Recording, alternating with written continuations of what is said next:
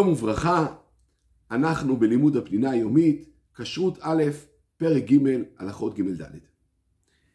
מעבר לאיסור שלמדנו אתמול, שאסור להרביע שני מינים זה עם זה, אסרה התורה גם לעבוד בשני מינים שונים יחד, כמו לחרוש בעזרת שור וחמור יחד, או לרתום עגלה לסוס וחמור.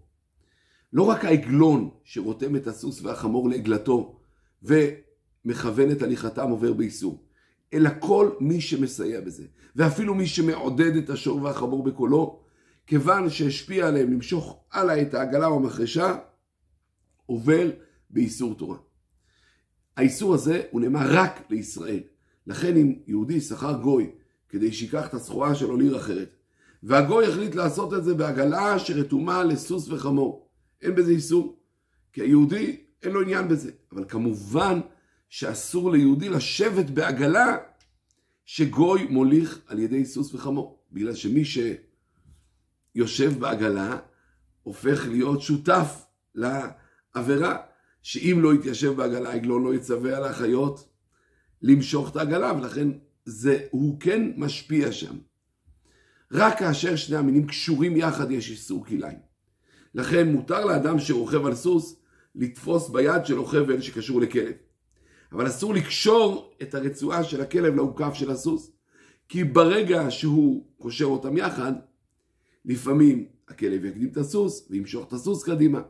ונמצא עובר על איסור כלי בהמה. כמו שלמדנו, למרות שאנחנו לא יודעים לעמוד על סודם של המצוות, ובייחוד מצוות הכליים, שהם, כמו שלמדנו אתמול, חוקים, חכמי ישראל ניסו כן לנסות להבין את הדברים. הרמב"ם ביאר שהאיסור הזה שלא לעבוד יחד, נועד להרחיק בין המינים השונים כדי שלא ניכשל באיסור של ארבעת מין בשאינו מינו. בספר החינוך ביאר שהטעם הוא כדי לא לצער את בעלי החיים.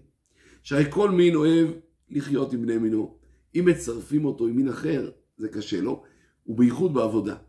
כי כל בהמה וחיה יש לה את הדרך שלה, איך היא עובדת, איך היא הולכת, את הקצבים שלה, וכאשר ממילא זה שני מינים שונים, זה מאוד מאוד קשה להם. ומכאן נעבור לאיסור כלאי עצים. אסור להרכיב שני מיני עצים זה על זה.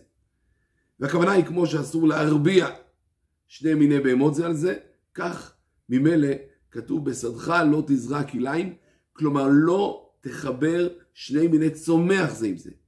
זה אומר לא עצים ממינים שונים, לא ירקות ממינים שונים, וגם לא להרכיב ירק על עץ או עץ על ירק. עצי הסרק נחשבים כולם מין אחד.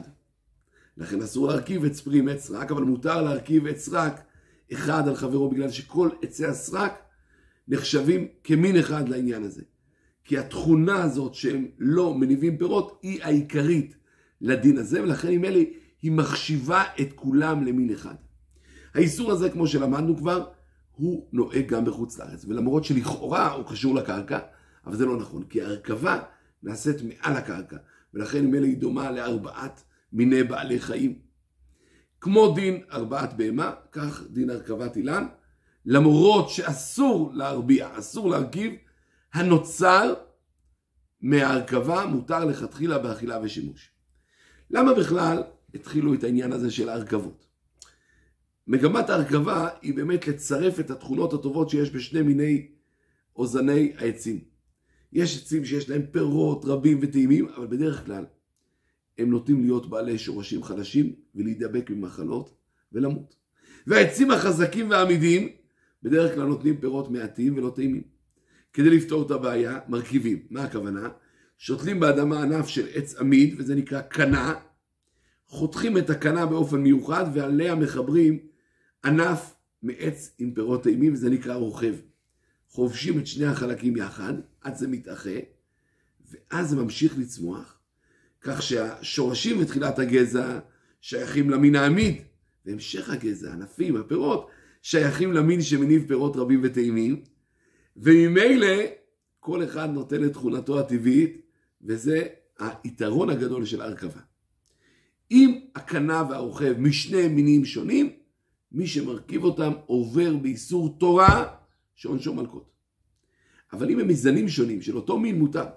כלומר, מותר להרכיב זן של תפוח גדול אדום זן של תפוח קטן ירוק חמוץ, כי זה שניהם תפוחים. אבל להרכיב אפרסק על שקד, זה אסור. הגדרת המין לעניין כלאיים היא הגדרה מרחיבה. כלומר, חלוקת המינים נקבעת על פי כלל התכונות של העץ כפי שהוא נראה לעינינו. זה קשור גם לצורת הפרי והטעם, הענפים והעלים ואופי הגידול. לכן יכול להיות שעצים מסוימים יחשבו אצל חלק מהאנשים, או לפי החלוקה המדעית של זמננו, כשני מינים, אבל להלכה זה ייחשב כמין אחד. שם ישראל היה חי על אדמתו, והסנהדרין הגדולה הכריעה בכל שאלה וספק, אז ממילא מסורת חלוקת המינים הייתה ידועה וברורה.